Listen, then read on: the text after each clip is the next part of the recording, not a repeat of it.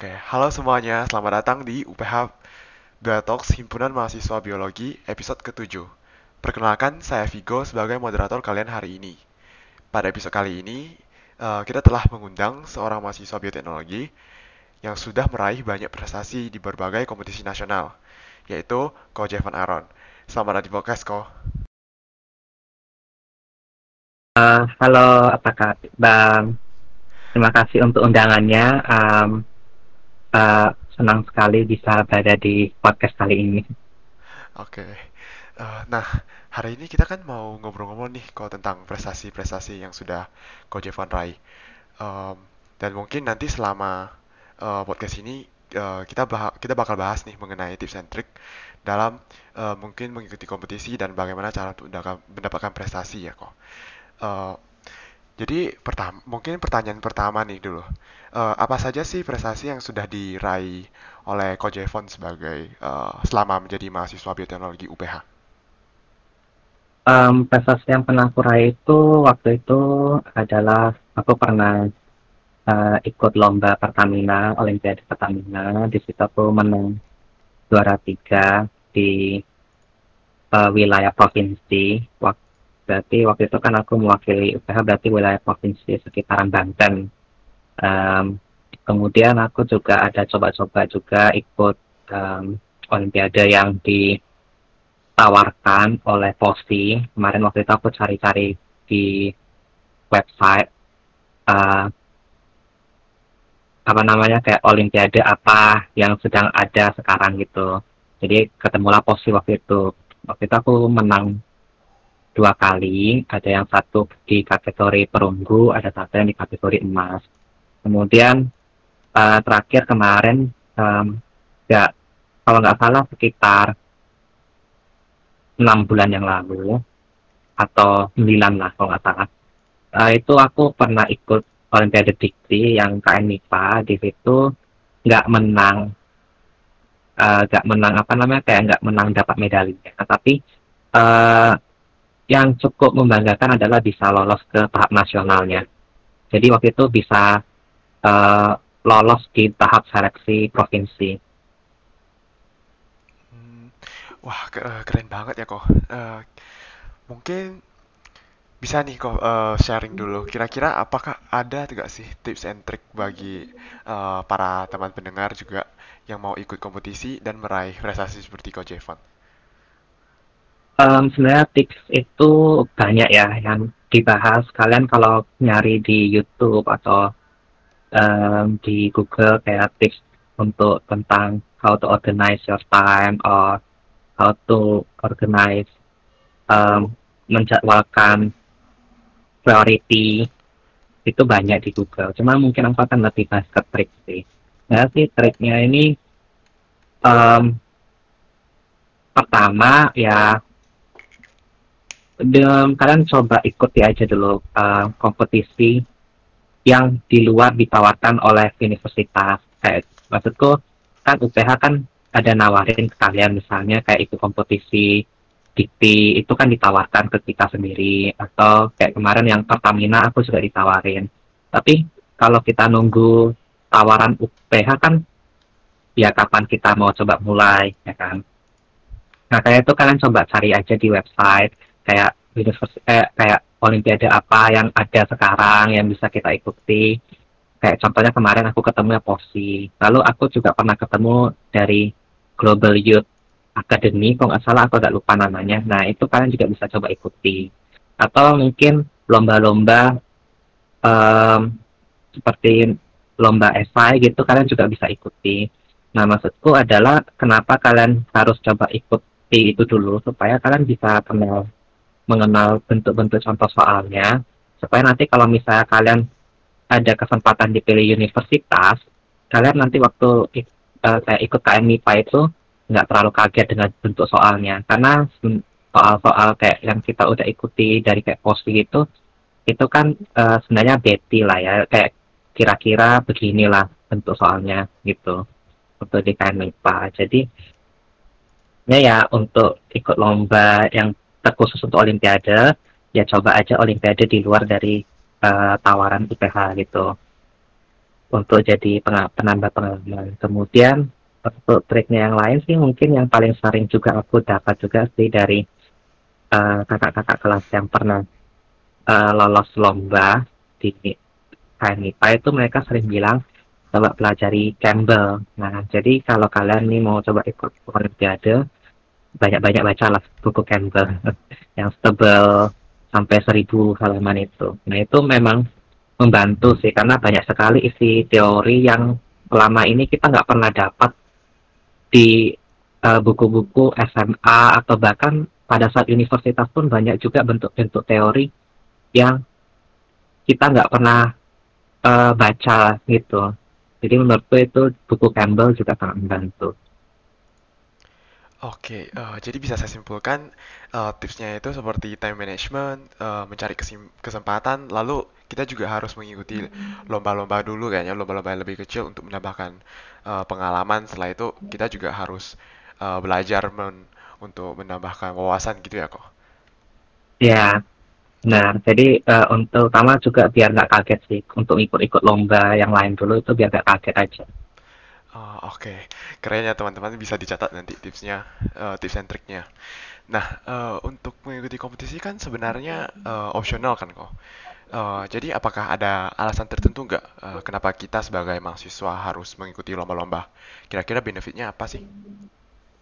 Um, sebenarnya lomba itu kan uh, tujuannya itu untuk pengembangan diri.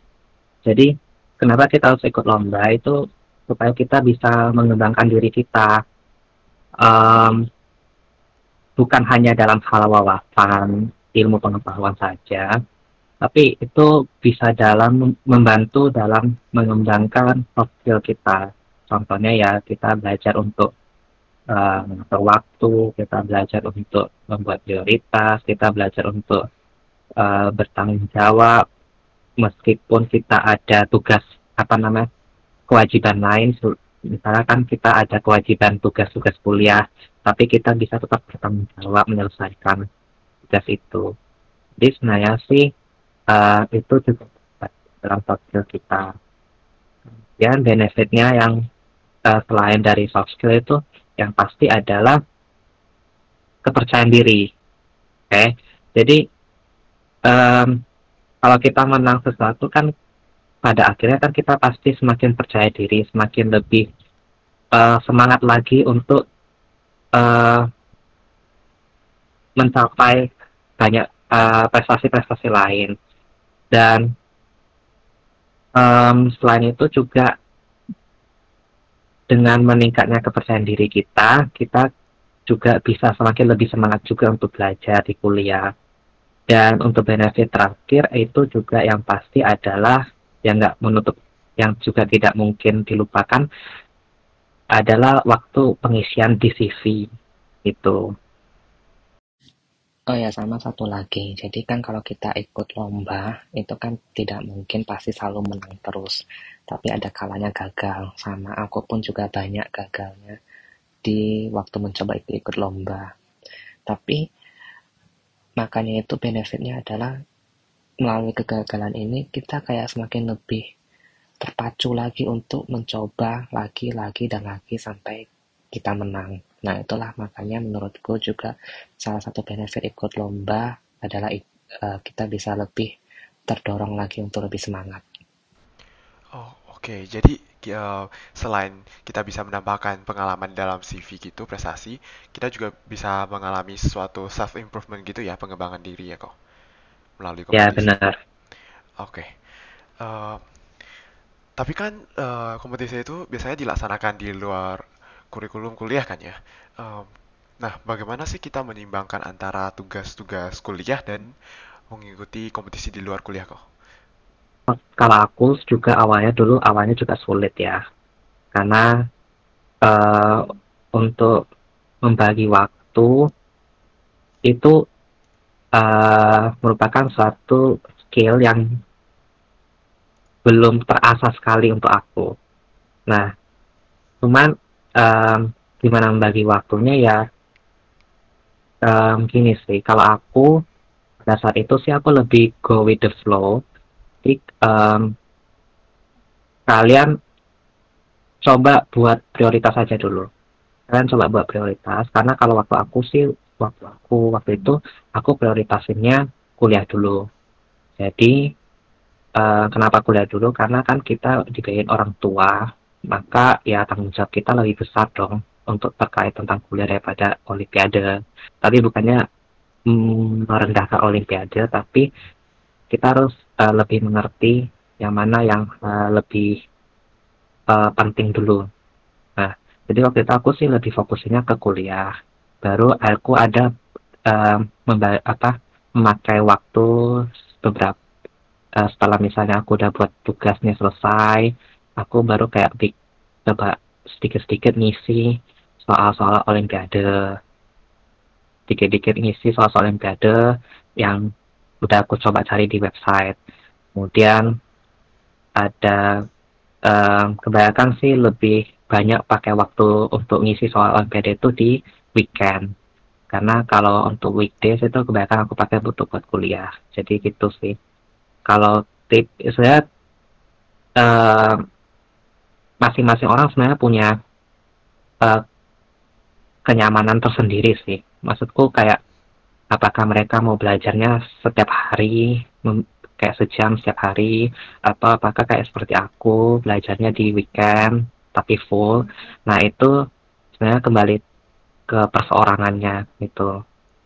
Jadi untuk tipsnya sih sebenarnya aku gak bisa kasih tips yang mutlak tapi kalian coba um, bentuk jadwal kalian sendiri sih bentuk jadwal kalian sendiri yang nyamannya ke kalian tuh gimana yang yang bisa menghasilkan uh, efektif resultnya gitu.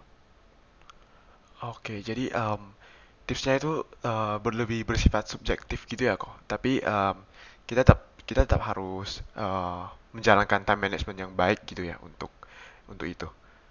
Ya, yang penting itu kalian harus coba bangun eh, apa nyusun prioritasnya aja. Oh. Karena uh, kalau kalian bisa nyusun prioritas, baru nanti kalian bisa kayak bagi-bagi waktunya. Gitu. Oh, oke okay, oke. Okay. Uh, keren banget ya guys. Um, uh, tadi pertanyaan uh, gak terasa nih podcast kita ini udah sebenarnya udah mau selesai nih.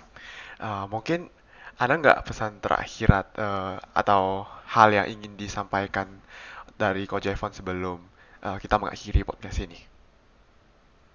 Oh, Oke, okay, um, jadi uh, gini, sebenarnya prestasi itu kebanyakan dari kita nganggapnya adalah suatu penghargaan medali, ya kan? Kebanyakan dari kita nganggapnya itu adalah prestasi. Tapi bagi kalian yang misalnya tuh tidak ada kesempatan untuk ikut-ikut yang suatu hal yang berprestasi dalam tanda kutip adalah medali, saya ketika kalian ikut organisasi itu pun juga suatu prestasi juga untuk kalian tersendiri. Nah, kenapa aku bisa bilang gitu? Karena uh, intinya dari prestasi itu adalah ketika kita finish what we started, right?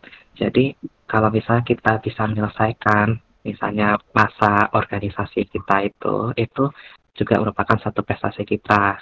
Atau misalnya kita um, membangun habit yang baru yang yang baik dan kita bisa tetap mempertahankan seterusnya itu juga satu prestasi. Jadi maksudku adalah bagi kalian yang tidak mungkin belum pernah mendapat medali atau penghargaan atau sertifikat jangan merasa uh, merasa rendah diri.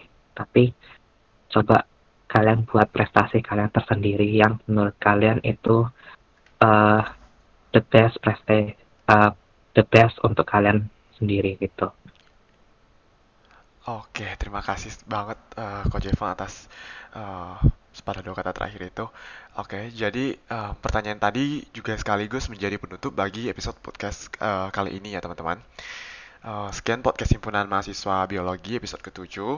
Um, terima kasih banyak kepada Coach Evon yang sudah bersedia meluangkan waktu untuk mengobrol dan sharing dengan kita. Uh, terima kasih juga kepada teman-teman pendengar yang sudah mengikuti podcast UPH Talks. Uh, mulai mungkin mulai dari episode pertama sampai episode ketujuh ini ya dan sebenarnya episode ketujuh ini adalah episode terakhir uh, untuk season ini. Semoga kita bisa berjumpa lagi di season berikutnya.